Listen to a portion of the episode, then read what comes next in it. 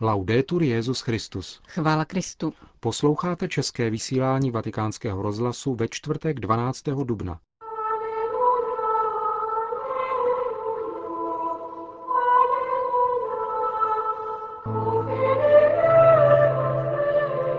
Papežská biblická komise se sejde na plenárním zasedání. Nové nespochybnitelné dokumenty o protinacistickém postoji papeže Pia 12. Zítra bude prezentována dlouho očekávaná kniha Benedikta XVI. Ježíš z Nazareta. To jsou hlavní témata našeho dnešního pořadu, ke kterému vám přejí příjemný poslech Johana Bromková a Milan Glázer.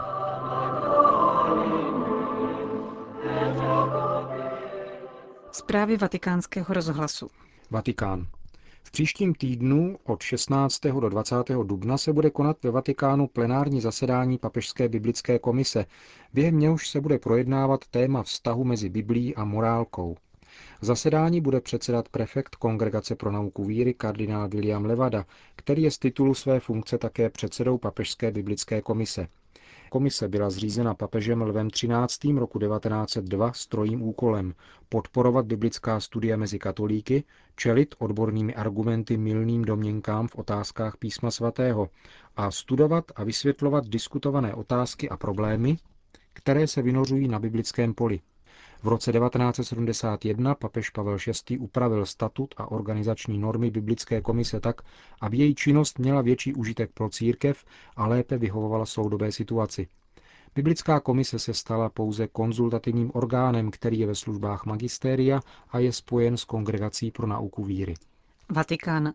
Kongregace pro svatořečení na začátku dubna převzala 3000 stran dokumentace k beatifikačnímu procesu papeže Pia XII. Informoval o tom postulátor kauzy otec Peter Gumpel. Při té příležitosti připomněl, že cestu k blahořečení papeže Pacelliho zahájil už v roce 1965 Pavel VI. V dokumentech je řeč také o takzvané černé legendě, podle níž Pius XII. údajně přál nacistům. Jak bylo v poslední době prokázáno, k jejímu šíření ve sdělovacích prostředcích docházelo pod vlivem sovětské komunistické strany. V uplynulých dvou letech přinesly práce některých židovských historiků významné příspěvky ke zpracování pozício beatifikačního procesu Pia XII., uvedl otec Gumpel. Izrael. Apoštolský nuncius v Izraeli Monsignor Antonio Franco se letos nezúčastní výroční vzpomínkové ceremonie na počest obětí Shoah, která se má konat příští týden v Jeruzalémském muzeu holokaustu Yad Vashem. Toto bolestivé odřeknutí účasti, jak řekl Nuncius, je způsobeno skutečností, že mezi exponáty muzea se vyskytla fotografie papeže Pia XII. s popiskou, která jej činí spolu zodpovědným za zločin genocidy židovského národa během nacismu. Problém se táhne již několik měsíců a Nuncius již vícekrát upozorňoval na prezentovanou interpretaci postavy Pia XII., která je ve zjevném rozporu s historickými fakty. Fotografie byla začleněna do expozice již v roce 2005 a také předchozí nuncius Monsignor Pietro Sambi již písemně žádal izraelskou stranu o modifikaci popisky zmíněné fotografie. Berlín. Právě v souvislosti s postavou Pia 12. stojí za zmínku nedávný objev nových dokumentů, které dosvědčují, kým ve skutečnosti byl tento papež pro nacistickou vládu Německa. Jde o obsáhlé složky, které vedla nacistická tajná policie na Pia 12. jako na svého nejvážnějšího nepřítele, jak je většinou Pius 12. v nacistických hlášeních nazýván. Historický materiál byl překvapivě nalezen v archívech komunistické policie Stázy, která jej na příkaz KGB tajila před světem proto, aby mohla vytvářet falešný pronacistický obraz postavy Pia 12. Z archivu stázy vyšlo najevo i konkrétní pozadí některých propagandistických akcí očernujících tohoto papeže, například také u nás uváděná divadelní hra Náměstek, kterou napsal na zakázku KGB její agent Rudolf Hochhut. O objevu nacistického archívu na půdě komunistické státní bezpečnosti bývalé NDR referoval již minulý týden italský deník La Repubblica. New York. V polovině 21. století se počet obyvatel naší planety stabilizuje na úrovni 9 miliard. Není proto nutné zavádět drastické regulace, jak donedávna tvrdili radikální názory, založené na znepokojivých demografických scénářích. Na fóru Komise pro populaci a rozvoj Organizace spojených národů o tom mluvil arcibiskup Celestino Miliore. Zasedání se věnovalo změnám věkové skladby obyvatelstva a jejich vlivu na rozvoj. V některých oblastech světa se výrazně zvyšuje počet starých lidí a s tím stoupá i zatížení aktivní části obyvatel. Vatikánský pozorovatel zdůraznil nutnost mezigenerační solidarity a vyjádřil naději, že problémy se nebudou řešit pouze pragmaticky. Nejlepší situace je v tomto ohledu v Africe. Aby tamní mladí lidé mohli využít svůj potenciál, potřebují pomoc. Moje delegace je přesvědčena, že vzdělání je nejvýznamnější investice, kterou je v Africe potřeba vykonat, řekl na fóru OSN arcibiskup Miliore. Baltimore. Benedikt XVI. vyjádřil uznání pro práci katolického školství ve Spojených státech. Jeho pozdrav tlumočil účastníkům 104. sjezdu Združení katolických vychovatelů Spojených států tamní apoštolský nuncius arcibiskup Pietro Sambi. Združení založené v roce 1904 je největším svého druhu na světě. Reprezentuje více než 200 tisíc katolických učitelů a vychovatelů, kteří pečují o vzdělání více než 7 milionů 600 tisíc žáků a studentů základního, středního i vyššího stupně. Pětidenního sjezdu v Baltimore se účastní přes 10 tisíc lidí.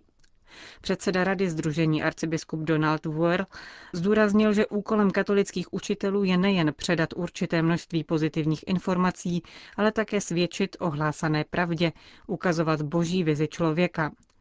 Kardinál Edward Egan z New Yorku poukázal na velké úspěchy katolického školství ve své diecézi. Jak řekl, dvě třetiny žáků katolických škol pochází z rodin, kde jsou příjmy pod Prahem bídy. Přesto 98% z těchto žáků absolvuje a 95% z nich pokračuje ve studiu na pomaturitních školách. Na Papežské urbaniánské univerzitě bylo zahájeno národní setkání Unie vyšších řeholních představených, která združuje přes 600 ženských kongregací zastoupených na Apenínském poloostrově hovoří vícepředsedkyně Unie sestra Giuseppina Albergina. Zdá se nám, že je nutné všímat si nejen řeholního života, ale dimenze povolání v celém církevním společenství, které je v kritické situaci i pokud jde o další křesťanská povolání, ať už je to manželství nebo kněžství. Křesťanský život potřebuje návrat ke svěžesti nového života, který se odvíjí od křtu. Není to jen krize kvantity, ale také kvality. Proto se ukazuje jako potřebné vrátit se k evangeliu sine glossa, jak by řekl svatý František z Asízy. Čím to je, že instituty založené zvláště v 19. a 20. století zažívají stále výraznější pokles povolání? Zdá se, že kongregační forma řeholního života, která se hrála velice důležitou roli, zejména jako odpověď na sociální problémy v minulých dvou stoletích, je povolána k proměně a hledání forem, které více odpovídají dnešním potřebám. Takových forem, které jsou lépe schopné předávat zkušenost s Kristem novým generacím. Jaká je vaše role v této rychle se rozvíjející společnosti? Role řeholníků a řeholnic v církvi vyžaduje stále víc, abychom byli nesporným znamením, které předjímá nové stvoření. Proto považujeme za důležité obnovit charisma společného řeholního života, které je základem mnoha řeholních rodin. Je to potvrzení božího primátu, primátu nepodmíněné boží lásky ke všem svým dětem. Proto je to především adorace a pamatování na Boha, kde je potřeba v řeholním životě věnovat stále víc energie. Odpovídají dnes zasvěcené osoby na očekávání světa? Odpovídají do té míry, do které svým životem naplňují očekávání na Boha, potřebu duchovnosti a transcendence, návrat do ticha a vnitřního života, opěrné body nového humanismu, založeného na Kristově božském lidství, na němž máme účast ve velikonočním tajemství a ve svátostech, které vytryskly z Kristova probudeného srdce. Říká místo předsedkyně Italské unie vyšších řeholních představených sestra Giuseppina Albergina. V moskevské katedrále neposprněného početí proběhl společný koncert orchestrů a sborů kapela Giulia z Vatikánu, římských Amici dell'Armonia, sboru Ruského symfonického orchestru a státního akademického sboru. Účastníky pozdravil dirigent vatikánského sboru Pablo Colino a moskevský arcibiskup Tadeusz Kondruševič v úvodu přečetl list předsedy Papežské rady pro kulturu a mezináboženský dialog kardinála Paula Pupárda. Z Moskvy telefonuje Vojtěch Reiter. Pablo Colino radost, že... Pablo Colino vyjádřil radost, že sen se stal skutečností a hudebníci z Vatikánu a z Ruska se sešli na společném koncertě. Setkal se Řím, Moskva a Vatikán. Arcibiskup Kondruševič pak zdůraznil společné slavení paschy s pravoslavnými, které interpretoval jako velké znamení, že v současném sekularizovaném světě společně hledáme odpovědi na výzvy dnešní doby. O hudbě jako symfonii tvůrčí inspirace, která je sto otvírat srdce národů a civilizací pro společné setkání, psal ve svém poselství kardinál Pupár. Na koncertě pak zazněla hudba Vivaldiho a Rossiniho Stabat Mater.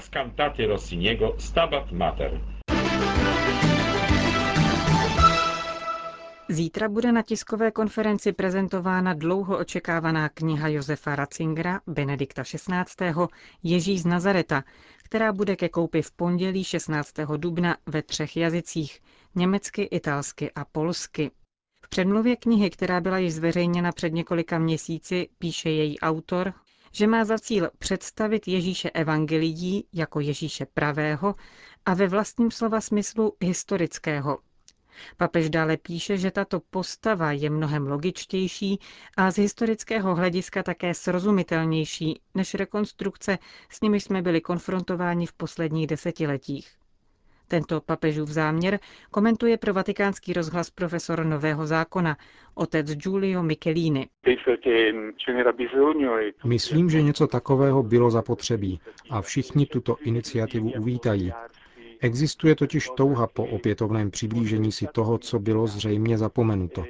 V tomto smyslu je papežova iniciativa dobrá k tomu, aby se věřící znovu vrátili ke koření problému, protože jsme se snad zejména v Itálii ocitli v situaci, kdy katechismus, který se učí děti, už nestačí a je nezbytné znovu si osvojit víru, kterou jsme dostali tak, aby přitom nebyla činěna nevěrohodnou dvoutisíciletá tradice. Právě to se totiž podle mého mínění některými publikacemi děje. Otče Michelini v již dříve otěštěné předmluvě ke své knize papež poznamenává, že některé kritické studie již od 50. let vytvářely dojem, že jistých poznatků o Ježíši máme jen velmi málo a že pouze víra v jeho božství dotvořila jeho obraz. Tuto situaci pak papež označuje za dramatickou z hlediska víry – co vy si o tom myslíte jako odborník na nový zákon? Souhlasím s tím.